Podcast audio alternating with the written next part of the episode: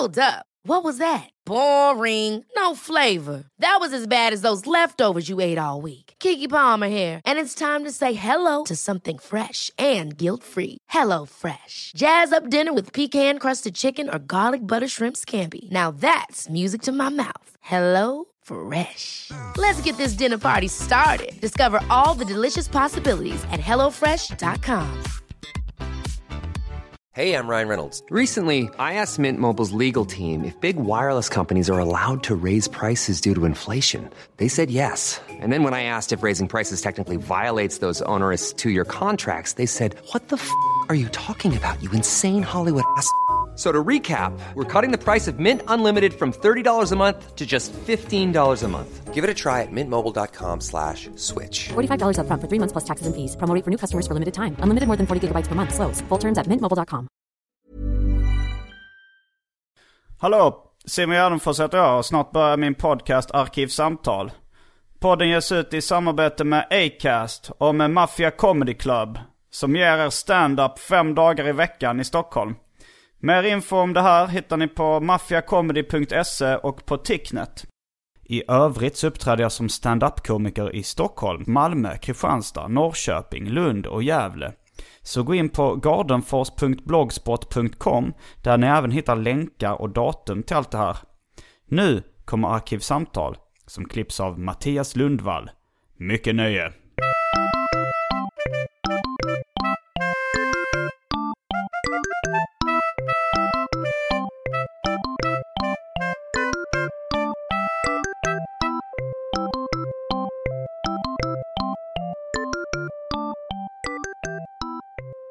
Hej och välkomna till Arkivsamtal. Jag heter Simon Gärdenfors och mitt emot mig sitter Kim W. Andersson. Hej hej! Du är mest känd som serietecknare. Ja, det, det hoppas jag i alla fall.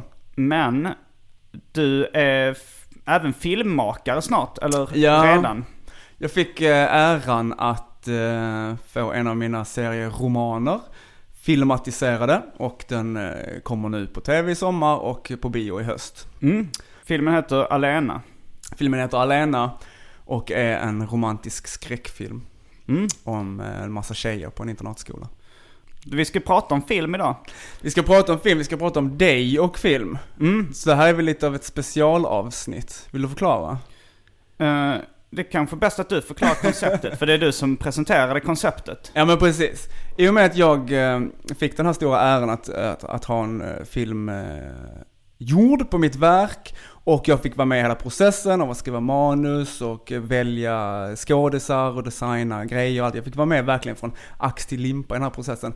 Så började jag tänka mycket på film och vilka filmer som formade mig och vilka filmer jag gillade och eh, varför man gör det man gör på något sätt liksom, vilket man kan härleda mycket till, har jag märkt i alla fall. För min egen del och för många kollegors del, härleda till vissa eh, specifika filmer i sin ungdom. Mm. Så det är det som jag hoppas att det här samtalet ska eh, handla om. Ehm, och för din eh, del så är det filmen Happiness Precis. av Todd Solondz. Precis. Vilken jag såg första gången när jag var... Jag vet, jag vet inte hur gammal jag var, men jag var nog Mm. tj- över 20 skulle jag tro. Precis, och där är du ju annorlunda från Mm. precis alla andra ehm, som jag har pratat med. Men som jag tycker också är väldigt intressant. Mm. Att, eh, därför det brukar ju vara en film som man ser i sin barndom eller tonår. Ja. Men du har valt en film som du såg i din... eh, Den kom väl 20s. 98? Exakt. Då jag 98. var 20. Så jag kan, Mm. inte ha, jag kan inte ha varit yngre än 20 när jag såg den. Precis. Såg du den när den kom eller? Eh, jag kommer inte ihåg faktiskt eh, eh, om jag, när jag, nej jag tror jag såg inte den på bio. Jag vet inte om den Ja. gick upp på bio i Sverige ens. Det minns inte Ja. jag heller. Jag är ett år yngre än dig så jag, Ja. jag kan inte hållas ansvarig för det. Jag kanske borde ha googlat upp det innan. Ja. Men, Men jag tror, jo den gick nog på bio. För jag, kommer Ja. jag såg ja, film... men det måste gått på det här spegeln Ja, för jag tror jag såg filmpostern och såg att, eh, för Daniel Klaus hade tecknat filmpostern. Exakt. Så det var, Ännu nog en där koppling. jag, det var nog där jag fick upp ögonen för Visste den. du vem Daniel Klaus var på den tiden? Ja, ja. Daniel Alltså- Klaus är en serieskapare som har bland annat så bakom eh, seriealbumet Ghost World som filmatiserades med Scarlett Johansson och gjorde henne känd. Um, honom visste jag vad det var redan. Han publicerades ju typ i Pox och Epics och sådär. Gjorde han det? Uh, Daniel Klaus. Ja, Ja, eller, eller någon Horst-tidning i alla fall. Alltså, eh, Fimpen Freddie Brown gjorde en serie som hette som, som jag älskade när jag var lite, alltså så här, när, Precis. när jag precis började upptäcka alternativserier så var Just ju, det. det var Daniel Klaus en av dem. Och han var ju kungen av alternativserierna. Eller? Ja, alltså jag skulle nog säga att Peter Bagg hade lite, han s- var lite populärare. Han Mm. Gjorde serietidningen Hate. Just det. Och liksom även i, i eh, en av mina andra så här ungdomsfavoritfilmer, eh, Kids, sitter de och Mm. läser Hate Just det. när han har sex med en underårig tjej. Tror Det är jag tråkigt. Det är jättetråkigt att det ska bli så. Det var en Men, rolig, eh, rolig scen i filmen. Jag lyssnade på Amy Poehler's eh, självbiografi nu och där hon så här, när hon ska så här... Du lyssnar på den som ljudbok? Ja, precis. Mm. Eh, när hon själv läser upp den, är jätterolig. Um, eh, den är okej. där nämner hon eh, 90-talet, när jag gjorde det här och det här och det här. Och läste Daniel Close-serier. Mm. Ja, ja. Så nu, nu verkar det bli liksom en cool grej att ha gjort på något Ja. sätt liksom. Nej men han, han gick ju om Peter Bagg sen som Ja. alternativseriekungen. Men samtidigt Precis. så kanske Chris Ware var ännu creddigare som Men alternativserieskapare. han kom väl mycket senare, Chris Ware? Jo, men, jo, han slog väl igenom senare kanske. Men tyckte du det var självklart att Daniel Close skulle göra eh, affischen till eh, Tom Jag blev inte förvånad. Eller hur? sådär. Jag, jag, jag tyckte ändå det var så ah fan vad coolt att han gjort det. Men då, Mm. tänkte man, då tänkte man att det är förmodligen en bra film. Eftersom det, var, det kändes som en liten kvalitetsstämpel. Bara på den tiden att veta vem Daniel Klaus var. Det var Mm. Precis. innan Ghost World och allt det där. Så. Just det, det var innan någon ni Ja. visste vem det var ju. Jag vet eh, eh, Ja. Burns, Ja, Charles, Burns. Han eh, ritade ju ett Orup-omslag. Ja, Är det inte så? Jo, 80-talet. det gjorde han. Men jag kommer ihåg för jag praktiserade på en reklambyrå Ja. i Malmö som heter Imperiet efter gymnasiet. Ja. De hade mycket bildbanksböcker och sånt Aha. där. Så fanns det även sådana böcker för illustrationer. Och eh, där så fanns det ett omslag Mhm. som Daniel Klaus hade tecknat till eh, en färgad artist. Jaha. Som, som jag tyckte var jävligt snyggt. Ja. Och så tänkte jag, ah där är han, Daniel Klaus, serietecknaren. Fan, Ja, har, han, det, har det. han, varför är han med i en reklambok? Precis. Men det var väl typ någon, eh, någon byrå som bara hade Ja. köpt upp lite olika. Sen kom det Orup-omslaget och var exakt som det här tidigare Mm. Jaha. omslaget. Men bara att de bytte ut några eh, drag i ansiktet och Just gjort det. honom vit liksom. Jaha. Så det var, det var Men är nog- det, är det Charles Burns eller Daniel Klaus du pratar om nu? Eh, jag vill prata om Charles Burns. Ja, just det, men jag Charles sa Burns. fel. Det gjorde du. sa Daniel Klaus. Eh, Precis, Charles Burns. eh. Jag blev sugen på att eh, lyssna på den här Orup-skivan bara för när jag väl hörde det här. För jag Var det Charles Burns. Teddy eller vilken var det? Ingen aning. Alltså jag har inte kollat Fan, upp det sen. Så fan. jävla sugen blev jag ju. Men, Mm. men eh, jag gillar Orup också. Men jag har nog bara lyssnat på samlingsskivor. Men eh, var det så du fick upp ögonen för, för filmen Ja, det, var, Happiness? det var nog dels det. Sen tror Ja. jag det var att jag såg Philip Seymour Hoffman. Just det. Och det var väl lite också sam, nästan samma kvalitetsstämpel som Daniel Klaus tänkte. Mm. Just det. Philip Seymour Hoffman, Rest in Peace. Eh, Vad hade han gjort innan Happiness? Vad kände du igen honom ifrån? Det är det som jag inte vet. Alltså det kan ju vara så att eh, jag nu i efterhand har, eh, det här är en så kallad efterhandskonstruktion. Mm. Just det. Att det var kanske att jag upptäckte Philip Seymour Hoffman genom Happiness. Och sen Eh, så andra och sen grejer så andra grejer med Till honom. exempel Boogie Night spelar han ju en liknande Ja. Han är väl med i Jurassic Park också? Är det inte han som... Va? Fan med han sitter och är en datanörd, hacker. Där de säger så här, uh, uh, uh, you didn't hit the magic code. Nej, det är ju uh, uh, uh." Newman i Är det Newman? Seinfeld. Blanda ihop dem.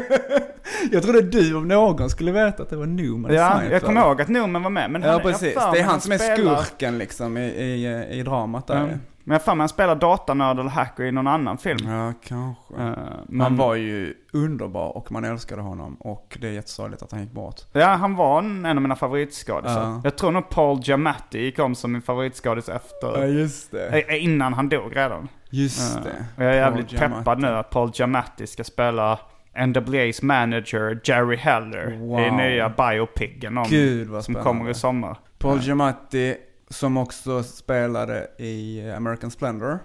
Ja. Just det. Och, Och också Sideways. Storytelling som Todd Solondz också gjorde.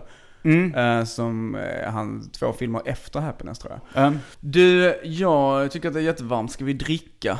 ja. Ska vi... Ska vi kasta oss in på det omåttligt populära inslaget Välj drycken?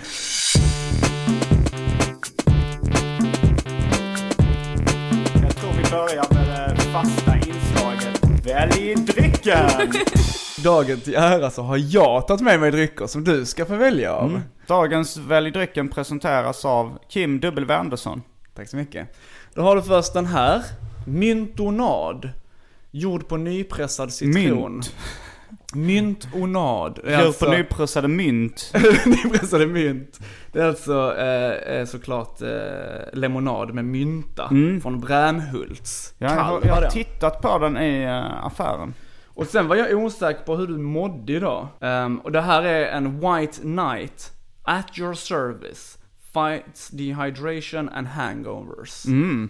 Så det är som en slags Resorb på Det är som en flaska. slags Resorb. Vad heter den i, i Japan? Pocari Sweat. Pocari Sweat, Eller ja. hur? Underbar. Ja, det är väl vätskeersättning. Jag har, Ja, en, jag har faktiskt en Pocari Sweat i kylen. Har du det? Ja, men det är mest för samlings... Ja. Jag tycker den är helt snygg också. Ja den är, den är fulsnygg på något sätt. Och så att den heter Sweat. Ja, att man, det är det som är det roliga, att man Eller tänker att man ska dricka svett. Men jag tror jag tar myntonad då.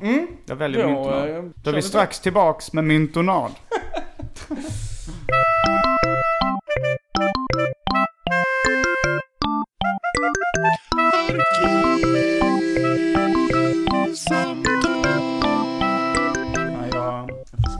jag gör ju en drink som heter Hawaii Gay Club. Ja, ja men den har jag Som nog har hört. lemonad i. Ja. Så då letade jag efter... eh, Det är inte så jättevanligt med lemonad i Sverige. Nej, jag fick leta rätt länge. Men då hittade myntonad var vanligare. Så är vi tillbaks med dryckerna kända från Välj drycken. Ja, jag fick ju ta White Knight då eftersom du tog min myntonad. Mm, myntonad var väldigt god. White Knight var sådär. var ett rätt val så att säga. Mm. Jag har också en ganska stark ölkorv om du vill tugga på den. Jag är inte så sugen. Välj korven. det är omåttligt. Välj en korv. Välj ibland en korv. Jo, men jag tänkte så här att ehm, jag blev väldigt glad när du valde Happiness. Mm. För att du, det var den första filmen du sa när vi pratade om det här, så sa du ja men då skulle jag nog ta Happiness. Ja men det var den första som dök upp i huvudet. Precis, men så sa du också, men jag kan också ta de här filmerna, vilka var det? Alltså, för då tänkte jag så vilka har uh, betytt mycket för mig? Alltså det är vissa filmer jag har sett gång på gång på gång. Uh, Sällskapsresan 1. Office Space. Just det. Top Secret. Jag hade kunnat ta Nakna Pistolen också. Uh, ja, Precis, de. och de är ju superroliga. Men jag har hört dig prata om dem ganska mycket. Ja, Och... ehm, det är kanske lite mer ungdomsfilm också. Ja, Alltså så som men barndoms- också lite eh, tvärtom känner jag på ett sätt. För de flesta människorna som nu lyssnar på din podd och som lyssnar Mm. på poddar känner dig som komiker. Mm. som du har varit i, i två år. Och, eh, och som rappare och som podcastare. Men jag känner ju dig som serietecknare Ja. under eh, en längre tid liksom. Mm. Och eh, dina serier tycker jag ju påminner mycket mer om Happiness än vad eh, de andra filmerna gör liksom. Dina serier är ju inte framförallt roliga. Nej, alltså jag... När, när jag jobbar som komiker, eh, då jagar jag ju enbart skratt. Just det. Men när man tänker då på Happiness, att den kanske eh, sprang ur den traditionen med serier som till exempel Daniel Klaus gjorde. Eller, eh, nej men då jobbar jag kanske mer också med vardagsrealism och provokation. Just det. Eh, vilket, eh, vilket Happiness är tydligt exempel på båda. Absolut. Den påminner om någon sorts 90-talsserie liksom. Att den Ja. är rolig men den handlar om hemska saker. Jag tänkte vi ska faktiskt gå igenom lite snabbt vad den, den handlar om. Ja, det är och för bra. att påminna oss. Jag kan dra lite, bara Mm. superenkelt. Och så får du eh, eh, fylla i. Ja. Eller så här kan vi göra. Drar du den först? Den handlar om tre systrar, kan man säga. Det, det, Trish- var, det var inte det första jag skulle säga. Nej, Men- eller men det- det, är inte men det, det- man kommer ihåg heller Nej, det är liksom. inte. Det man kommer ihåg är ju, är ju pedofili. Ja, och jag, några hemska man skulle, scener, nog- jag skulle liksom. börja säga det handlar om en pedofil. Det handlar om en pedofil. Nej men man kan säga så här att det kretsar kring tre systrar och människorna kring dem. Först Trish, som är den äldsta systern, som har, eh, som hon själv kallar the perfect life. Bor i en jättefin villa eh, med sin perfekta make som är psykolog och de är jättefina med varandra och de har fina barn och allting är jättehärligt. Tyvärr då så kommer också den här pedofilgrejen in där, för det är ju hennes man då, Bill. Sen är det Helen som är den andra systern, mellansystern. Som spelas av eh, Lara Flynn Boyle. den snygge i Twin Ja, hon är Peaks. den snygga. Jaha, är det hon som är den snygga i Twin Peaks? Just det. Alltså, eh, vad heter hennes karaktär i Twin Peaks? Jag har ju inte sett då Twin Peaks. Ja just jag minns inte. jag gillar ju humor och realism. Ja precis. Men, eh, Du får trycka upp den tröjan snart. ja.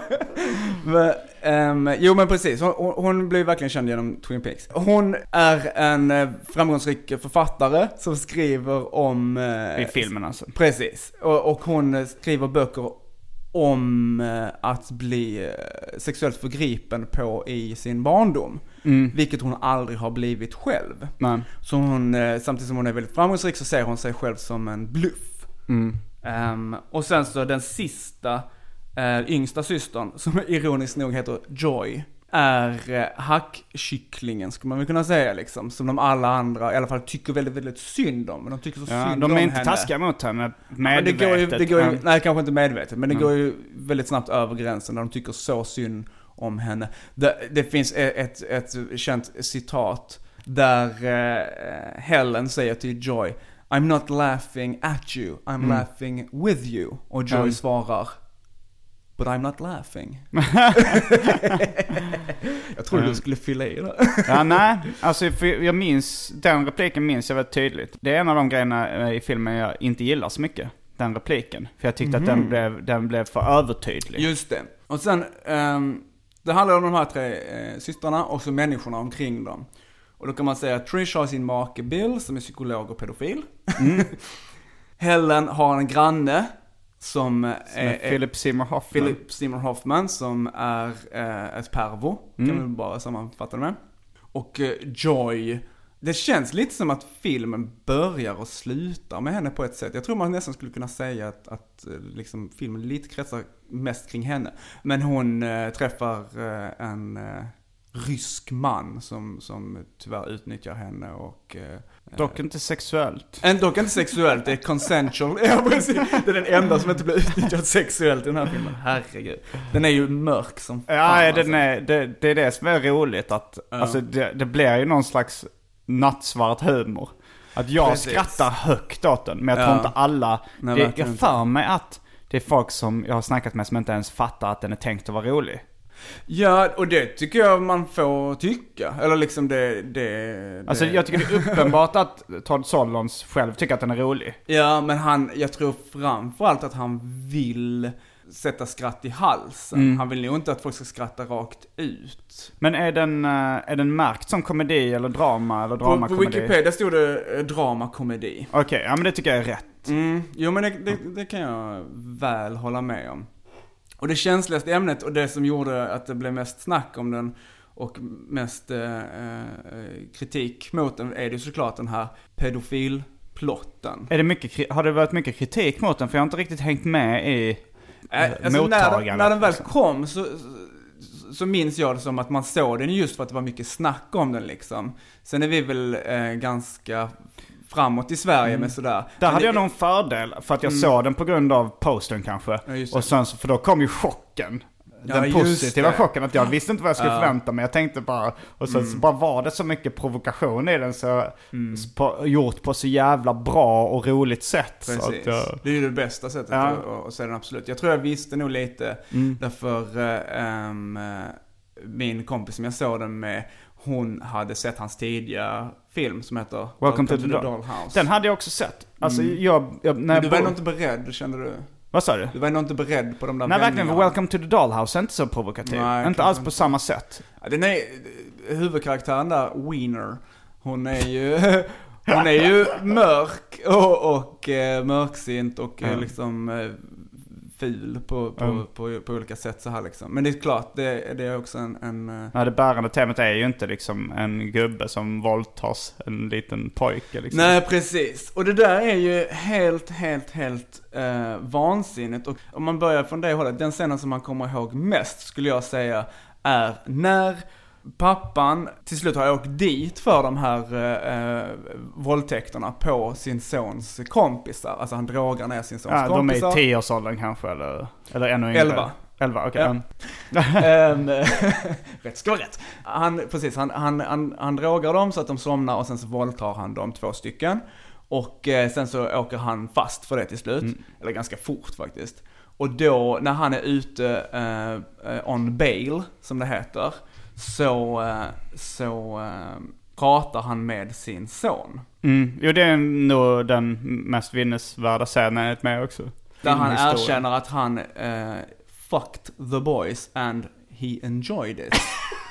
Ehm, det är så konstigt att du skrattar just nu. Ja men det, det är verkligen så att eh, det, den scenen, jag, tror, Ja. jag skrattade inte medan jag såg den scenen. Men nu när jag minns tillbaks, där du, där du citerar vad det är han verkligen Mm. säger så, så skrattar jag. Men när jag ser den så är det ju, alltså det är en av de starkaste scenerna Ja, jag sett någonsin i Absolut. filmhistorien. Det är det. Den, är- den är... Den är så obekväm. Alltså det är så här, pojken kommer in gråtande till sin pappa Mm. Det. Mm. och har hört så här, är det sant det alla säger i skolan? Just det. Och, det, och det man- frågan vad är det du har gjort med dem? Och, han, och pappan sitter rätt kallt och liksom... Ärligt. Eller inte kallt, han, han säger alltså, så här, som att Ärligt. han är ärligt. Men liksom, han, man märker att det tar emot för honom, men han vill vara ärlig mot sin, sin son. Och berättar då att han, eh, han gråtande berättar om att han har eh, knullat Precis. med barnen. För de har ju ett jättefint förhållande genom hela filmen. Det är Mm. flera stycken scener innan det här. Där eh, pappa och son pratar om väldigt, väldigt känsliga ämnen. Ja, Penisstorlek. annat. Penisstorlek och onani och allt Ja. sånt där. Och, det och på ett väldigt, väldigt fint sätt. Ja, då är han liksom. perfekt. Eller hur? Mm. Men vi som tittare vet ju att han samtidigt har sexuella fantasier om sonens kompisar. Mm. Så det blir ju, samtidigt som det är väldigt fina scener eh, och, och, och fint möte Ja. mellan de två så blir det ju jättejobbigt att se. Mm. Och allting får sig, får sitt utlösning i den här, eller upplösning, i den här scenen. Mm. Eh, och Billy frågar honom, frågar pappan, Would you ever fuck me? Och pappan svarar, No, I would jerk off instead. Exakt. Ja. Och det är ju superstarkt och superhemskt, men på något sätt Han är helt så ärlig. himla ärligt och på något sätt kanske bra. Därför han kommer ju aldrig träffa sin son igen. Det här är ju förstört, allting är ju förstört liksom. Allting är bara förstört. Ska den här pojken fortsätta leva ett liv, så kanske han måste bara veta sanningen. Mm. Eller? Jag tänker att de skulle eventuellt alltså så här kunna träffas vid något tillfälle Mm. senare också. Det, jag, jag, har, jag har inga personliga erfarenheter av, Nej, precis. av eh, det här händelsen. Nej, det ska jag man tänk- vara väldigt glad för. Men, men, jag, men, jag, men jag har ändå för mig att jag har läst om liksom Mm. så, eh, liknande fall där, där de ändå liksom kanske träffas på, en, inte har en jättenära relation men Mm. Nej. ändå träffas och pratar någon gång. Precis. Och om de då skulle göra det så kanske det är det bästa för honom är att säga sanningen liksom. Mm, Ja, och den han är jävligt bra skådis också, Dylan Baker som spelar pedopappan. Just de här, lite stoneface genom hela filmen. Alltså. Precis. Ja men det är han verkligen. Men jag kommer ihåg, alltså det, när jag kände mig såld på filmen. Så eh, det, det var nog redan då när, jag kommer inte ihåg, bör, han är hos psykologen i början. Han är en psykolog. Han är, men han pratar ändå med en... Just det, han går, därför alla psykologer går ju också Ja, till psykologer. Precis. så är det. Just det. Och så berättar han om, han går på någon vacker äng. Han har en dröm. Um, En återkommande dröm där han går genom en, en, en fin park i Ja, staden. Fast han berättar inte att det är en dröm förrän, eh, förrän efteråt. Alltså så här, för jag såg filmen, Mm. att han bara berättar om så här, jag går i en park Mhm. i staden. Och sen så tar han upp ett vapen och bara börjar skjuta alla. Precis, automat. Och då tänkte jag så här, okej det här, nu blir det en absurd komedi. Just det. Men sen, så när, sen klipper de till att han bara sitter till, hos psykologen och pratar om det. Just och då det. andades jag ut lite för jag tänkte, "Uff, det Ja, var just mer det. realistiskt då liksom. Men att det var så jävla härligt. Ändå att han, att han berättar om sina så här, för han går där med stenansikte och bara mejar ner Precis, och det, men det sjukaste nästan i den scenen det är ju att han berättar den här sjuka drömmen som det är, han berättar en dröm. Och där- därför han avslutar också med att säga, eh, psykologen frågar, men, ja men vad var det som var annorlunda den här gången? Och då sa han, den här gången så, så slutar det inte med att jag skjuter mig själv i huvudet. Ja. Jag undrar lite vad han ville säga med det. Nej men för mig just nu så är det på något sätt, alltså han har säkert den här drömmen, eh, det är inte så att han sitter och ljuger, men det är ju samtidigt inte det värsta han har i sitt huvud. Han Nej. berättar någonting jättehemskt och skrämmande för sin psykolog, den här drömmen.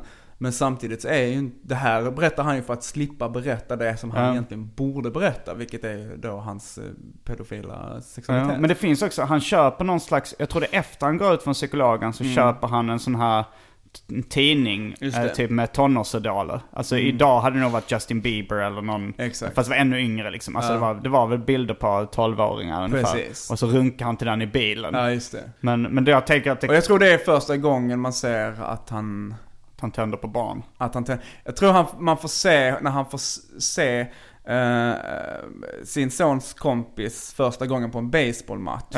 Så jag li- tror det är efter, eh, efter den tidningen. För det, det kommer jag ihåg att det, då, då bara så här ökar min respekt för filmen. Just för att det är, så här, det är så få filmer där de behandlar det ämnet på det sättet. Precis. Där en av huvudrollerna, att det inte är en, ett monster liksom. Eller han blir ju ett monster Ja, men så småningom. Men att det ändå är en, en huvudroll som man Ja. ändå ska kunna få sympatier för i viss mån. Som har de, den läggningen. Precis, och det är ju så hela ehm, filmen är berättad. Att den är ju berättad väldigt, eh, eh, men ganska glättigt och det är väldigt liksom så här eh, trevlig musik. Alla är väldigt så fräscha och snygga. Alltså det ser lite ut som en, som en sitcom liksom, som en amerikansk sitcom. Och när han ser den här pojken som han blir förtjust i så blir det liksom slow motion och vacker musik och lite vaselin på linsen och sånt där. Vilket är ju fruktansvärt. Men det är ju, det är ju den kontrasten som hela filmen bygger på liksom. Det här fina presentationen fast de här äckliga, äckliga Jag, sakerna. jag tycker väl att jag har ju den inställningen till pedofili att det är ju eh, okej, absolut att ha läggningen. Men jag tycker det är eh, taskigt att förgripa sig sexuellt på någon. Vissa tycker det är äckligt i sig att ha läggningen pedofili. Att tända på barn och runka till fantasier. Det tycker inte jag man ska se ner på eller liksom förkasta. Men jag tycker sexuella övergrepp är fel. Ja men verkligen. Och, eh, men pedofiler som inte begår sexuella övergrepp borde man ju respektera precis lika mycket som alla andra människor. Så jag tycker det är Precis, rätt det är roligt. inte olagligt att vara pedofil. Nej. Det är olagligt att göra, Att liksom, göra pedofila handlingar och sånt Ja. där. Och sen Men så är- just ja. det att, att skildra den pedofilens eh, romantiska Just syn det. på pojken. Det Ja. Mm. tycker jag är ganska fint då, att de gör det på samma sätt som de skulle skildra en heterosexuell eh, kärleksrelation eller någonting. Att det, är, Mm. att det är det här vackra, han bara ser en vacker pojke i slow motion. Att, Precis. att de lever sig in i hans värld, att de inte dömer det liksom. Att det, Nej. att det är ingen så hemsk musik då. Nej, utan då är det det. fin musik. Att Ja, det, det. Man får se liksom hans Ja. känslor. Så det tycker jag är rätt.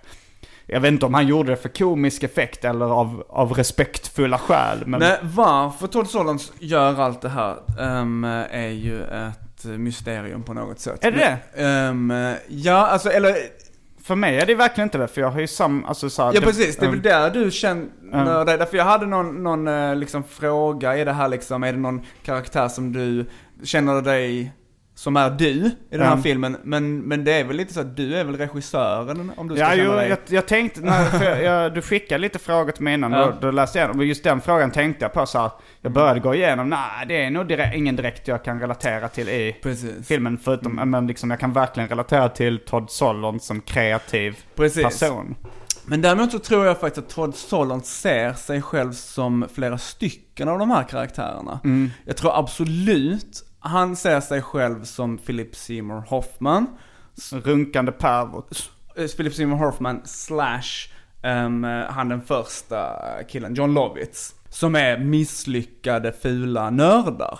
Därför det är ju den här liksom eh, personan som, eh, som eh, Todd Solondz har. Som jag- Som, ja, jag, både vi två har väl hört ett podcastavsnitt där han blir intervjuad. Todd Just det. Solondz. Jo, han, han berättade ju det med så här, de frågade honom hur det kändes att få en hitfilm. I, I was so used to failure. I was a failure my whole life. And I, when I got some sort of success, I was like 35 or something. I couldn't relate to success. I was so used to failure.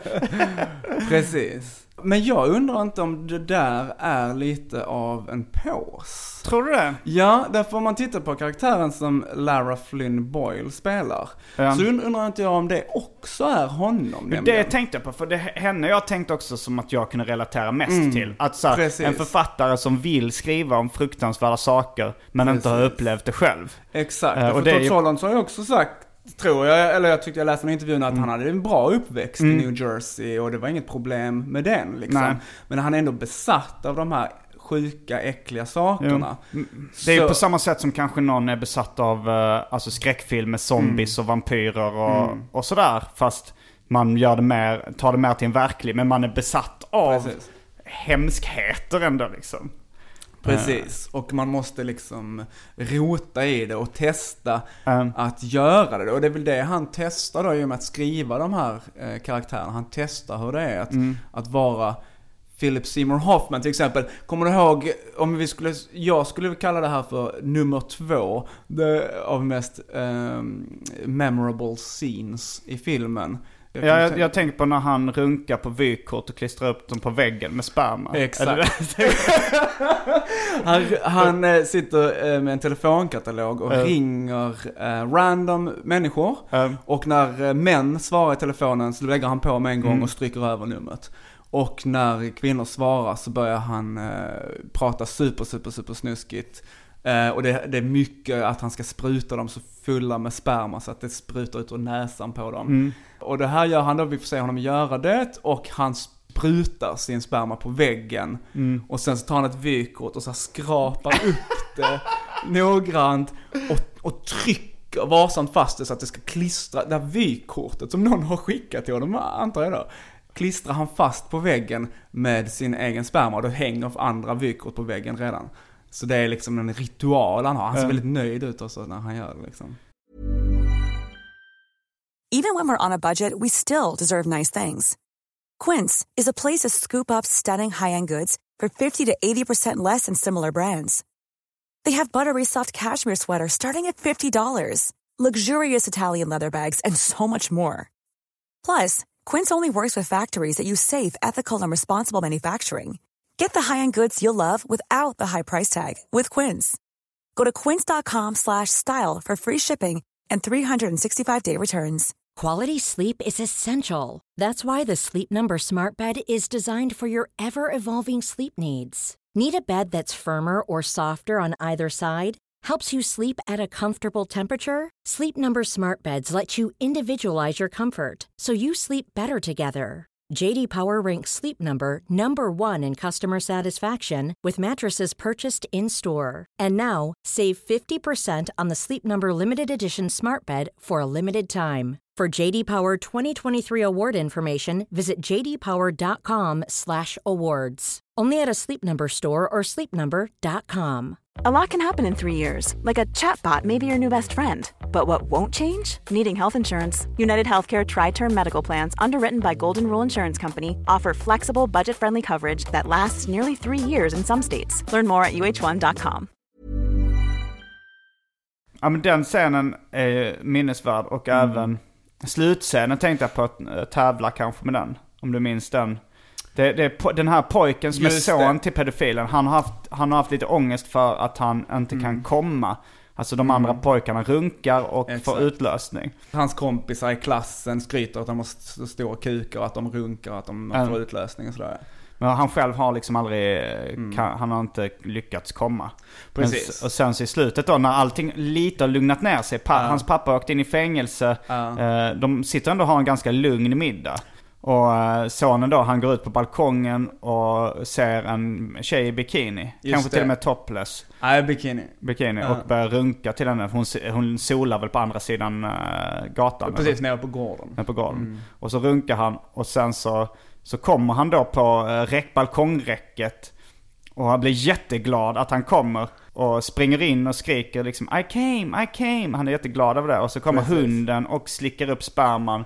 Och sen slickar, kommer in och pussas med mamman i familjen. Ja, som hånglar det. lite med hunden som ja, har men sonens sperma. Det känns som att det är Ungefär ingen i den ordningen är det. Ja, och det är ingen scen som för handlingen framåt. Nej. Och det är liksom verkligen, det, är, det, det måste ju bara vara ren humor, ren Ja, men det, egentligen. det, liksom. på ett sätt så är det det enda lyckliga i hela filmen. För det är många scener som liksom är på väg att bli lyckliga men som förvrängs och blir hemska. Till exempel eh, när Philip Seymour Hoffman träffar sin andra granne som är en tjock tjej som verkar vara förtjust i honom. Mm. Och de faktiskt går ut och träffas sånt där men sen förvrängs det, vi kan gå igenom det snart vad som Mm. händer.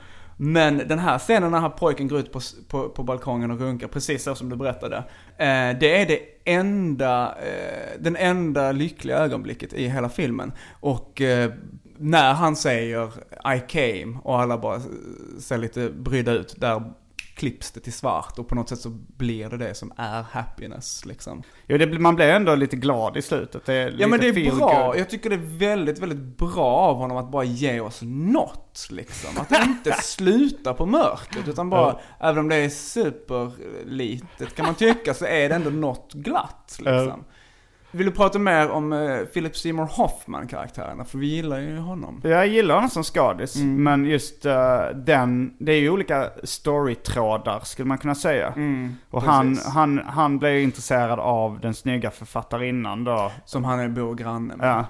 Och, eh, men men det, det är inte min favorit-storytråd i filmen, Philip Nej. Seymour Hoffmans tråd. Ja, det är väl hans karaktär tror jag Ja. man tycker jättemycket Jo, om. man gillar honom. Och Ja. när jag, kommer ihåg, när jag såg filmen, då var jag inte så förtjust i eh, John Lovitz. Nej, Eh, han är med i början. just det. Första scenen. Eh, men hon, John Lovitz har jag sett i eh, olika komedier, olika, kan, han är med i 80-tals och 90-talsfilmer. Mm. Just det. Men honom upptäckte jag nog mer när, jag lyssnade mycket på Kevin Smiths podcast, Mhm. eller gjorde det mycket mer innan. Mm. Och då hade han en, eh, han, de körde liveshower med Hollywood Babylon och olika podcasts han hade. Och då så letade de efter en, eh, en stor, en lagom stor lokal. Mm. Och då började de köra på John Lovitz Comedy Club Mhm. i eh, Los Angeles. Och då så liksom började han köra livepoddar för liksom det hade slagit igenom då. Och, och John Lovitz, ibland så gästade han eh, Hollywood Babylon till exempel. Mm. Och var sjukt rolig. Jaha. Alltså jag, bara så här, eh, Måste jag så lyssna. vissa komiker kan ju vara roliga på scenen men så här, kanske inte kan vara roliga spontant. Precis. Men han var ju fruktansvärt rolig. Jag liksom verkligen älskade hans humor och eh, persona och, och liksom jävligt elak. Ja. Alltså så här, på gränsen till att det blev lite obehagligt. Ja. Jag gillar ändå roast-aktig humor men Ja, han, var, han var ganska taskig. Men han var väl en sån eh, liksom eh, skådis som man hade sett i lite så betydelselösa komedier. Alltså lite så här tramsiga komedier på 90-talet. Han slog igenom i Saturday Night Live. Ja, så är det så? Eh, Det finns också, Kevin Smith intervjuar honom som heter The ABCs of SNL. Där Jaha. går igenom hela liksom den perioden under SNL. Men jag menar för oss så var han väl bara en sån där, vilken rolig Ja. gubbe som helst. Ty, ungefär till en sån här film, jag vet inte om det var Happiness eller om det var någon annan film, men att man så, man kände att, ja men det här finns ju ett djup i den här skådisen eller Mm. den här komikern. Men så är det nog med väldigt många amerikanska komiker, att de kanske Mm. är ganska mörka, svarta eller bra, som vi Mm. då tycker. Och sen så kommer de in i Hollywood och då måste de ju såklart bli tuggummi-varianten liksom. Mm. Eh, och sen så kanske eh, kommer de tillbaka till sitt ursprung på slutet liksom. Mm. Eh, Bob Saget. Det är väl det enda jag kommer Ja, på jag, just nu. jag, men- jag har inte så bra koll på Bob Saget. Jag kommer ihåg Nej. att han var i, i den filmen The Aristocrats så var han väl en av de som var grövst. Just det. Men, han var alltså är- familjefassa skådis annars. I Full House, ja men precis. Han, det är ju det alla känner honom för, Mm. som den här superyllefassan liksom. Mm. Men eh, hans stand-up är ju jätte, jätte rå och så, Det är liksom. också roligt med pappan i eh, tv-serien Alf. Alltså? Som sen uh, ballade ur och mm, typ rökte crack ur hemmagjorda bångar och hade sex med hemlösa män. Va? Ja det kom ut någon sån där han själv, han, han och hans älskare åker runt och knullar hemlösa och Ja. röker crack.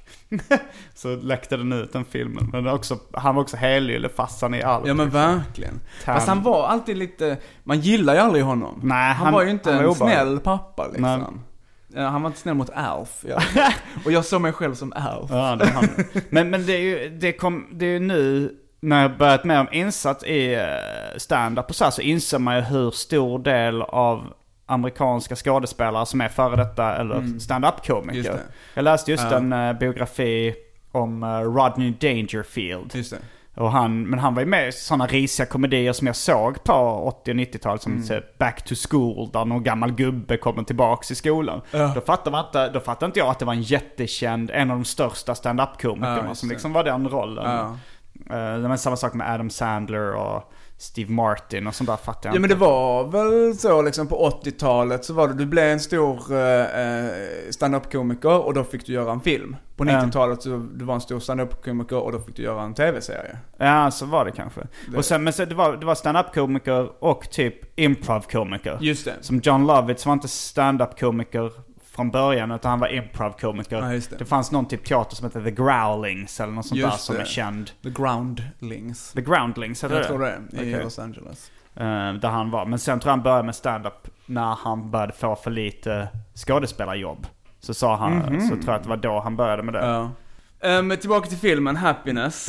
Tror du att den filmen skulle kunna göras idag? Jag är inte så insatt i Hollywood-politik. Nej. Jag fattar inte, för att ifall det går att göra en sån film, varför kunde man göra den då?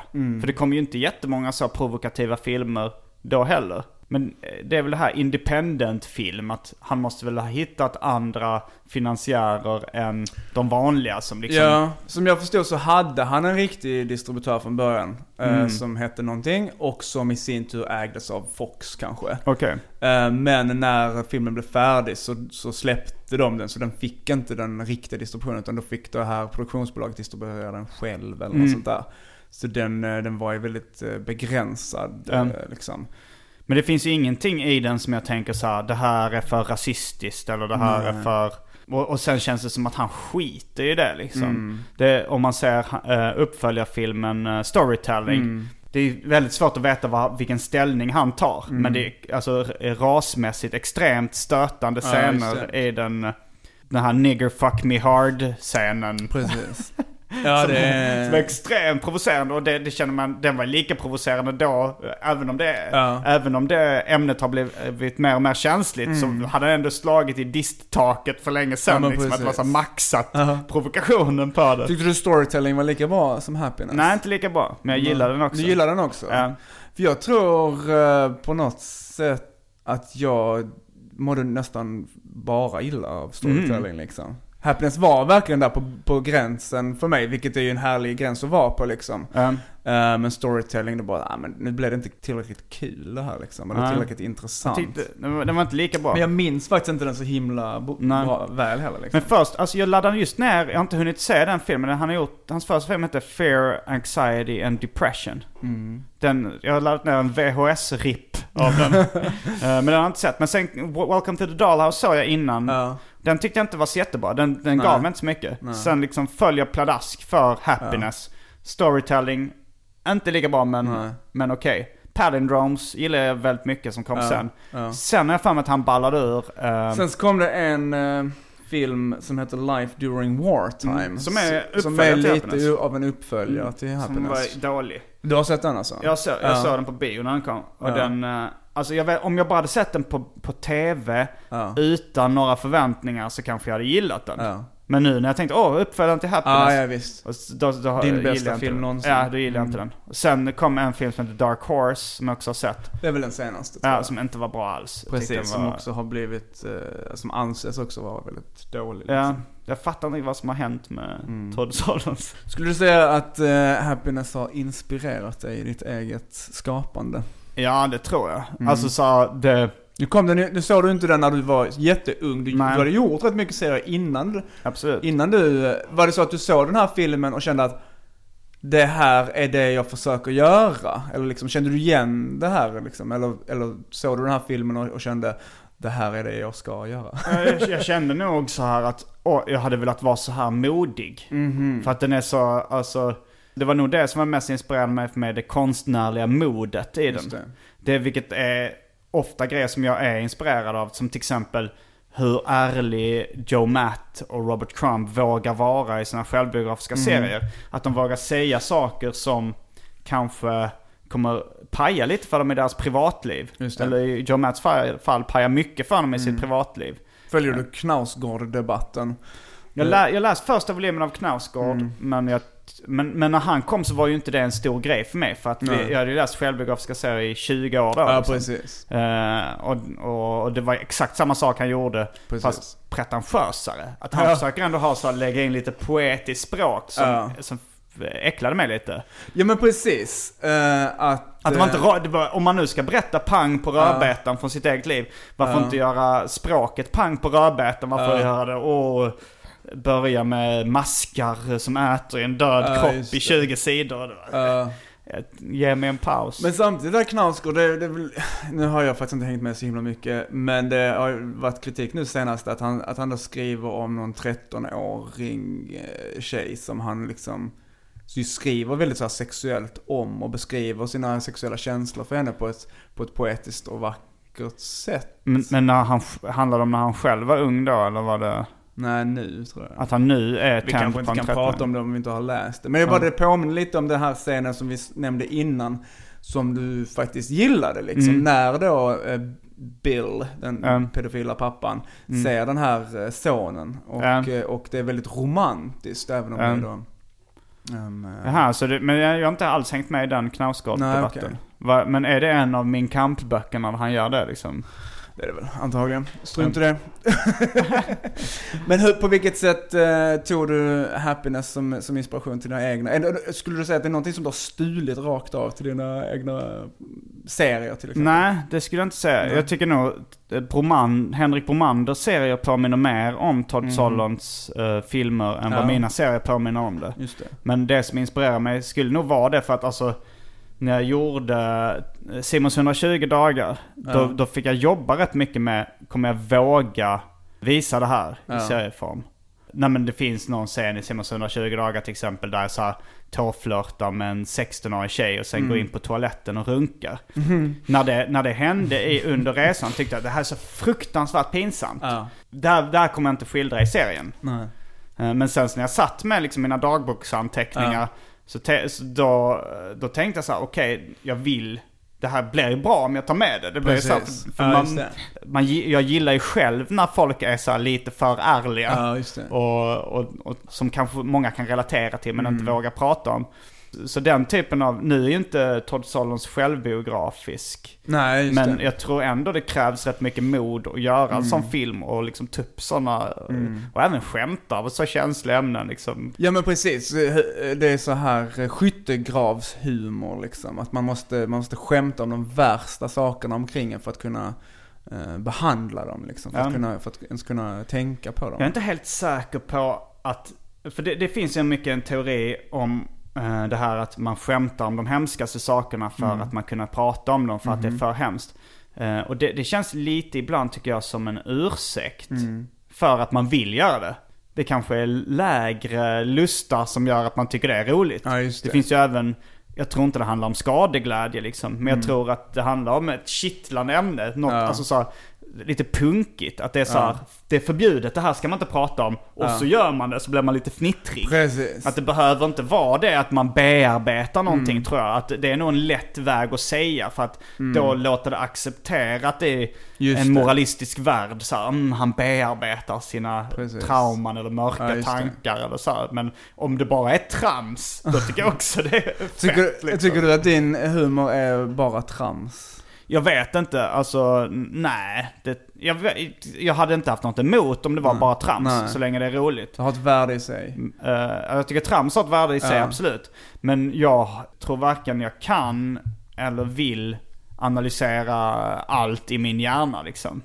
Jag vet, Nej, inte, vad jag, precis. jag vet inte varför jag skapar grejer konstnärligt. Det, det är massa olika anledningar. Och, Nej, jag är lite, för egen del lite emot självanalys. För, Ja, för lite för att jag tycker det är lite förmätet.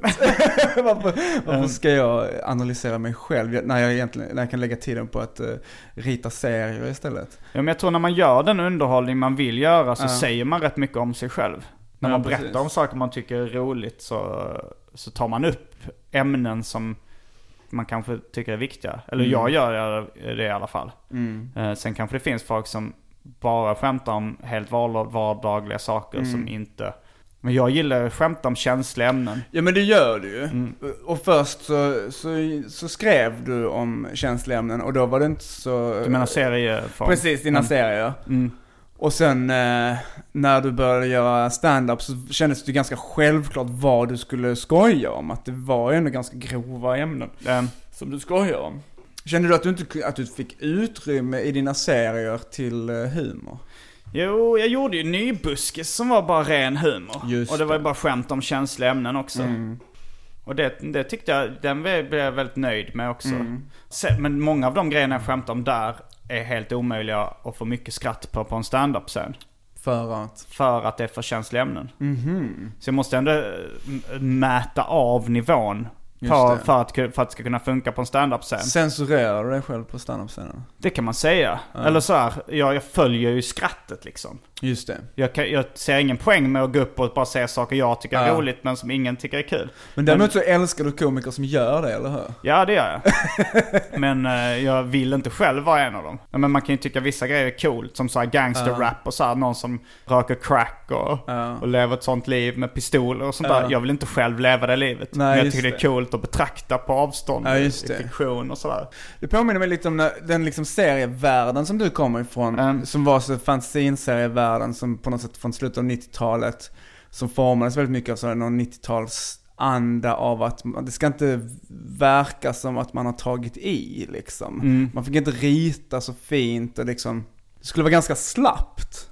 Eller? Ja, det, det fanns väl vissa som gjorde det. Alltså så, om man tänker på Joe Matt och Seth och Mm. Chester Brown. De tecknar ändå ganska Jag tänkte ju mer på den svenska den svenska. Ja. Jo men mm, jo, där fanns det väl, det var, det var väl mer att folk var slappa. Och Mhm. jag var själv slapp under en Ja. period. Och, eh, men också att man, man, det var lite punkigt kanske Ja. att kunna gilla slappt tecknade serier. Just Ungefär det. som att man kunde gilla så här, eh, som Ja. i musik, folk gillade så lite punkig. Att de inte kunde spela så bra men det var Precis. coolt att de bara körde Ja. Fuck the system, hell, hell, Ja. hell. Ja men precis. Men, men samtidigt så var det också en väldigt eh, liksom, skarp kritik inom den världen liksom. Inom den svenska Mm. seriescenen liksom. Den här seriechock hette den här hemsidan till exempel. Som Mm. recenserade fanziner som var ganska rå. Um, Tror du att en sån liksom eh, stämning gjorde att eh, man kanske skulle känna så här, eh, ja men jag tog ändå inte i.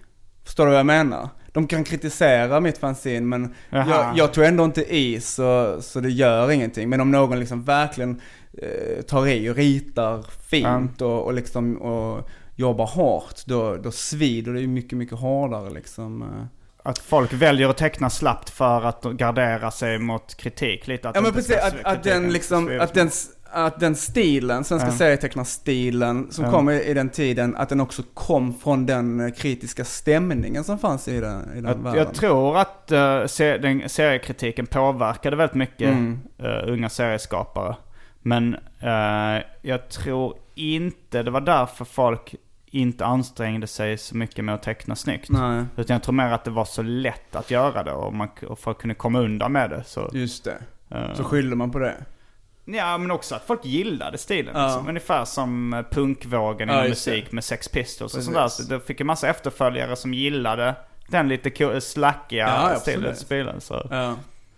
Jo men precis, och det är också någonting härligt i att läsa någonting som man känner att fan det här kan jag göra själv. Det är väldigt inspirerande. Ja, jo, liksom. det tycker jag också. Men, men du stack ju ut, tycker jag i alla fall, från det gänget liksom. Därför det kändes ju, när jag liksom lärde känna dig så märkte jag ju fort att du tog ju i.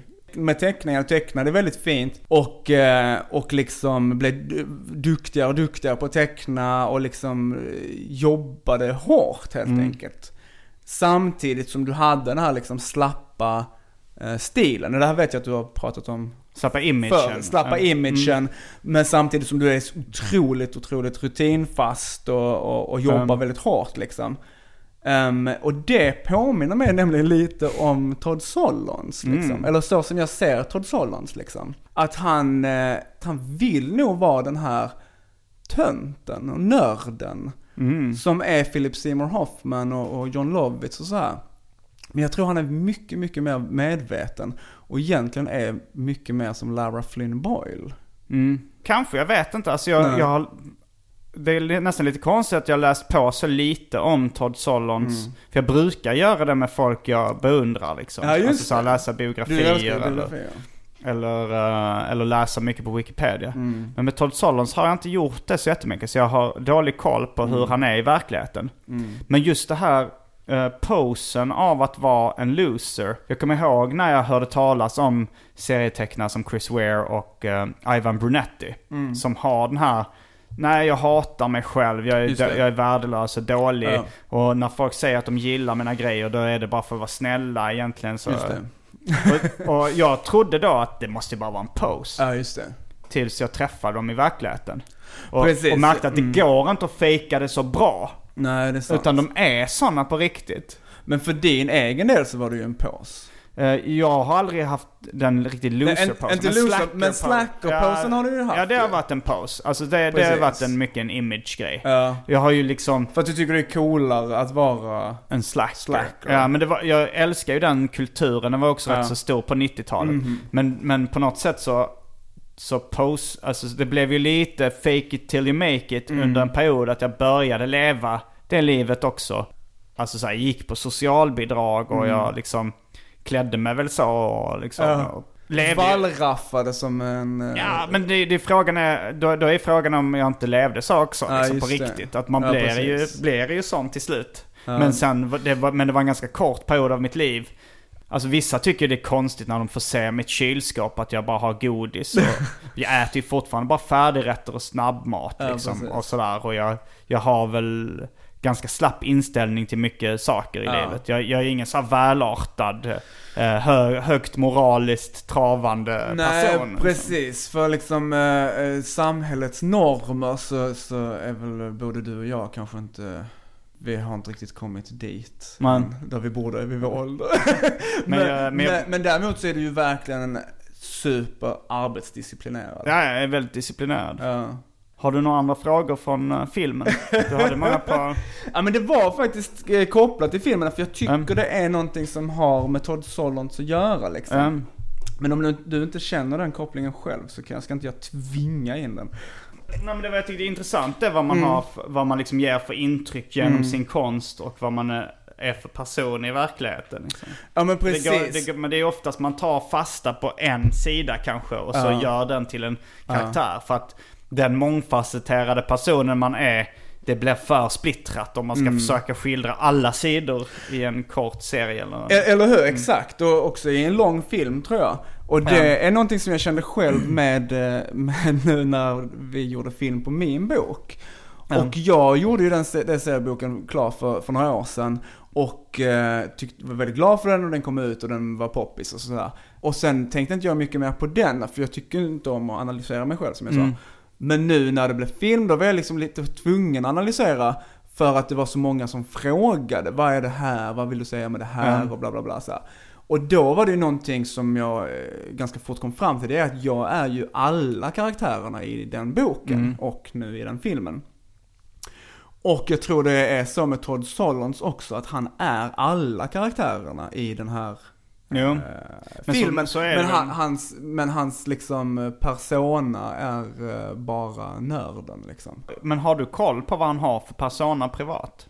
Alltså jag har ju läst intervjuer med Ja. honom och, och, och, och lyssnat på intervjuer med honom och sånt där. Och, eh, och så, så som han alltid beskrivs av så här folk, eh, han har eh, såna kläder liksom som är så utstuderat supernördiga liksom. Hans glasögon är jättestora. Och hans gabardinbyxor, och, alltså det finns ingen anledning för någon att Nej. klä sig på det där sättet. Jag tycker det känns som att han, att han gör Okej, en jag har roll av sig själv. hur han klär sig. Mm. Men, det, men det var ju, men just det här med att man är alla karaktärerna. Mm. För är, om man ska göra bra karaktärer, då måste man ju leva sig in i så här, hur hade den här Precis. personen tänkt? Hur hade jag tänkt om jag var i den här situationen? Och då Exakt. blir det ju en själv i en annan situation bara. Hur Precis, hade jag, om jag hade facetter. tänt på barn, småpojkar, hur hade jag då? Precis. tänkt och han, som, han blir ju förmodligen Ja. den då liksom. Ja, jag hade nog ändå försökt vara ärlig mot min son, tänker han liksom. Ja men precis. Om jag hade nu... Men hur känner du, för det ser jag liksom som en väldigt stor skillnad från att göra självbiografiskt. Liksom, Där man egentligen bara kan spela sin egen roll Ja. och sen skildra alla omkring en så ärligt som möjligt antar jag. Men samtidigt så är det ju allas reaktioner genom din... Ja. Alltså, alltså på något sätt tycker jag självbiografiskt, jag jag tycker jättemycket om självbiografiska serier. Men jag tycker också formatet kan vara något av det mest oärliga liksom. Därför det berättar en situation genom bara en enda persons em, öga liksom. Det är svåra begrepp det med ärlighet och objektivitet. Ja, liksom. Det är klart att man skiljer, skildrar det från sin egen synvinkel. Mm. Och jag har oftast ambitionen att försöka göra det så ärligt som möjligt. Alltså Precis. så här, vara så ärlig mot mina egna känslor och tankar. Och det är Precis. inte alltid det lättaste. Jag tror folk är olika bra på det Ja. också. Har du, har du någon gång när du liksom gör en självbiografisk serie eh, ringt upp någon som var med och frågat så, hur kände du då? Vad, vad var din, eh, liksom? Mm. För att få med deras, liksom, ärliga reaktioner. Eh, Jag vet inte om det är ett bra sätt att göra Nej jag vet inte heller det. Men jag Nej. gjorde lite med, alltså när jag gjorde Död kompis så, så pratade jag med lite kompisar som hade varit med då. Mm. Just hur det. de mindes olika händelserna och vissa av dem är med i serien också. Mm. Men eh, jag har nog aldrig gjort en, om det är liksom en känslig situation, om, om jag skildrar ett bråk eller Mm. något sånt där. Då har jag aldrig ringt upp och frågat hur, för jag, jag vill nog ändå ha liksom från eh, first person, eller vad säger man? Från, från mitt eget perspektiv. Point of view. Point of view. Ja. Att det, det är hur jag upplever situationen i min hjärna. Ja, just det. Jag, jag liksom, min ambition är att göra det väldigt subjektivt. Ja. Jag har ingen am, liksom, ambition Nej, av att ha en objektiv absolut. bild. Jag kommer ihåg jag liksom eh, läste en Daniel Ahlgren-serie Mm. eh, tidigt i min svenska serieläsarkarriär. Liksom. Jag läste ju amerikanska serier hela Mm. uppväxten och sen så svenska serier när jag kanske blev 20 någonting. Eh, Så läste jag Daniel Ahlgren-serien och hela serien så sitter han i hörnet på en fest och så bara tittar han på alla människor och Mm. kritiserar dem. Um, Och jag kommer ihåg att jag kände bara, hade jag varit på den festen så hade jag bara tänkt, vad är det för jävla idiot som sitter där i hörnet? Ska inte du bara gå hem? um, Ska du bara sitta där och tycka illa om människor så kan du bara gå härifrån. mm. På något sätt så är det där eh, lite självbiografiska serier för mig liksom. Det är genom ett nyckelhål man ser det liksom. Ja men du har en lite ganska, eh, ändå uppfattas som hyfsat kritisk syn på självbiografiska serier. Också kanske för att Det du ska man känner väl ha? att, ja, men att du känner att du är lite attackerad. För att det blev lite rivalitet mellan Ja. fiktion och eh, eh, fantasy, Ja. så, alltså så här drömska eh, serier liksom. Ja men Eh, jag och- gjorde ju självbiografiska serier. Ja det gjorde du också. eh, I Galago. men, men eh, ja du har gjort lite sådana också. Eller Ja. i alla fall uh, vardagsrealistiska. Ja just det. Ja. Ja just det. Men, eh, men att, ja, det blev ju lite så här att du, din bas var ändå på andra sidan mot, Ja så är det ju, absolut. De scener som jag vill göra är ju inte självbiografiska alls. Men, eh, men jag tror inte jag är mer kritisk mot självbiografiska serier än vad jag är kritisk mot eh, fiction-serier. Man, Man skulle väl vara kritisk mot alla serier? Ja, man behöver väl inte... jag, jag känner inte så här, det är min plikt att vara kritisk mot, mot uh, någonting jag tycker om egentligen. Jag bara, jag, jag, är- jag är kritisk mot fantasy för att det är någonting jag inte gillar med dem. Nej just Men jag Vad är- är det du inte gillar med dem? Det är overkligt. Ja, det är sant. Och det är inte roligt. Alltså så här, det kan vara overkligt. Jag gillar ju Spaceballs, det varas för rymden. Just det, jag hörde du sa det i något Ja. avsnitt nu, att du gillar Spaceballs. Men det, jag För den är var- rolig. Precis, den är jätterolig. Och då, då Och skiter jag så om det, om det inte är realistiskt. Rick Moranis. Men om det inte är roligt, då vill jag att det i alla fall ska vara realistiskt. Precis, men den filmen är ju så smakfull av referenser från eh, Ja. fantasy och sci-fi verk. Men jag Och vet de- inte om jag hängde de med på missar dem. du då? Ja det gör jag, men jag tycker den är rolig i alla fall. Ja, men Då- det är den. men ibland, ibland kan det ju vara så att, att någonting är roligare när man inte förstår referensen. Mhm, Vi, jag snackade om det i en podcast nyligen, Mm. eh, Varan-TVs sketch, där det är en reporter som heter Kalle Röv. Ja, just det. Och då tycker jag så här, det är ett roligt namn för det är så jävla dumt. Ja, Eh, och det var samma sak med någon som hette Harry Dime. just det. Och det är också ett roligt namn, men när, när man väl fick reda på att det, det var en parodi på Harry Lime i Den tredje mannen, då blev det tråkigare för att man fattar. Eller referensen. Då är det inte bara ett flippigt namn som Nej, är Harry. Dime. Nej men precis, Nej, men det där kan jag verkligen tänka Um, mig är Och så skulle det säkert kunna vara med Spaceballs också, om Ja. jag fattade varför. Alltså jag, fattar, jag har ju liksom. sett Star Wars och så, jag fattar ju Pizza the Hut-referensen och yoghurt och... det, är, det är bra Det är bra skämt. Pizza the Hut. um, ska vi börja runda av kanske? Det kan vi göra. Jag tänkte jag skulle så här eh, runda av med en, eh, en fråga. Mm. Är Happiness en film som du, eh, om du skulle träffa en ny partner, Mm. är det en film som du skulle visa för henne för att hon skulle lära känna dig? Eller är det en film som du skulle eh, kräva att de redan har sett och ska älska? Jag är, jag är inte en total psykopat. Jag, kan, jag ska inte kräva. Men, men det var faktiskt så alltså förra gången jag såg Happiness. Det var förra sommaren. eh, när jag just hade börjat dejta en tjej. Och, eh, då pra- och hon var intresserad av film och ha- det var många gemensamma filmer vi gillade liksom. Just det. Och då så frågade jag om hon hade sett Happiness, vilket hon inte hade gjort. Och då kollade vi på den tillsammans och hon gillade den jättemycket. Och då... Och Då, blev du extra kär i henne. Ja men då tänkte man så här, men då har vi lite, alltså så här, om, om hon hade tyckt så här, nej jag tycker inte man ska skämta om sånt. då hade, då hade det tagit slut mycket snabbare Ja, än vad det. det gjorde. Du höll ändå en sommar. Ja det var en, en sommarflört. Vad härligt. Ja.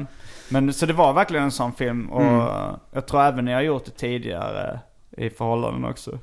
Men då får du ju fortsätta göra det i framtiden. Ja, men, men, jag- men, det, men jag vill inte att det ska vara så att ett test. Eller varför inte? Varför, ja, jag vet inte. Om man gillar någon, varför ska man då utsätta dem för något konstigt test? Kolla på den här pedofilrullen, gillar du det? Nej, men det, det, det kan ju också vara att jag träffar någon som jag vet älskar pedofilhumor. Ja. Att det är så, här, det behöver verkligen inte te- göra något test. det var allt från eh, den här veckans avsnitt av Arkivsamtal. Det var det verkligen. Jag heter Simon Gärdenfors. Kim W Andersson. Fullbordat samtal.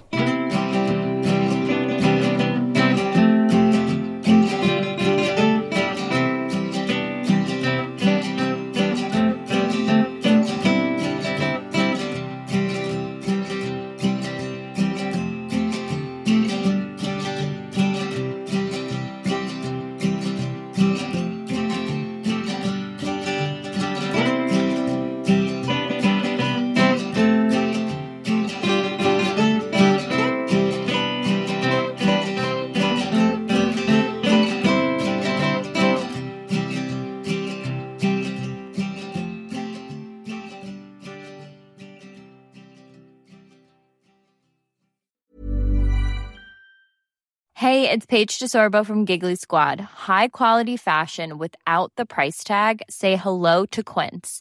I'm snagging high-end essentials like cozy cashmere sweaters, sleek leather jackets, fine jewelry, and so much more. With Quince being 50 to 80% less than similar brands. And they partner with factories that prioritize safe, ethical, and responsible manufacturing. I love that. Luxury quality within reach. Go to quince.com slash style to get free shipping and 365 day returns on your next order. Quince.com slash style. Planning for your next trip? Elevate your travel style with Quince. Quince has all the jet setting essentials you'll want for your next getaway, like European linen, premium luggage options, buttery soft Italian leather bags, and so much more. And is all priced at 50 to 80% less than similar brands. Plus, Quince only works with factories that use safe and ethical manufacturing practices. Pack your bags with high-quality essentials you'll be wearing for vacations to come with Quince. Go to quince.com slash pack for free shipping and 365-day returns.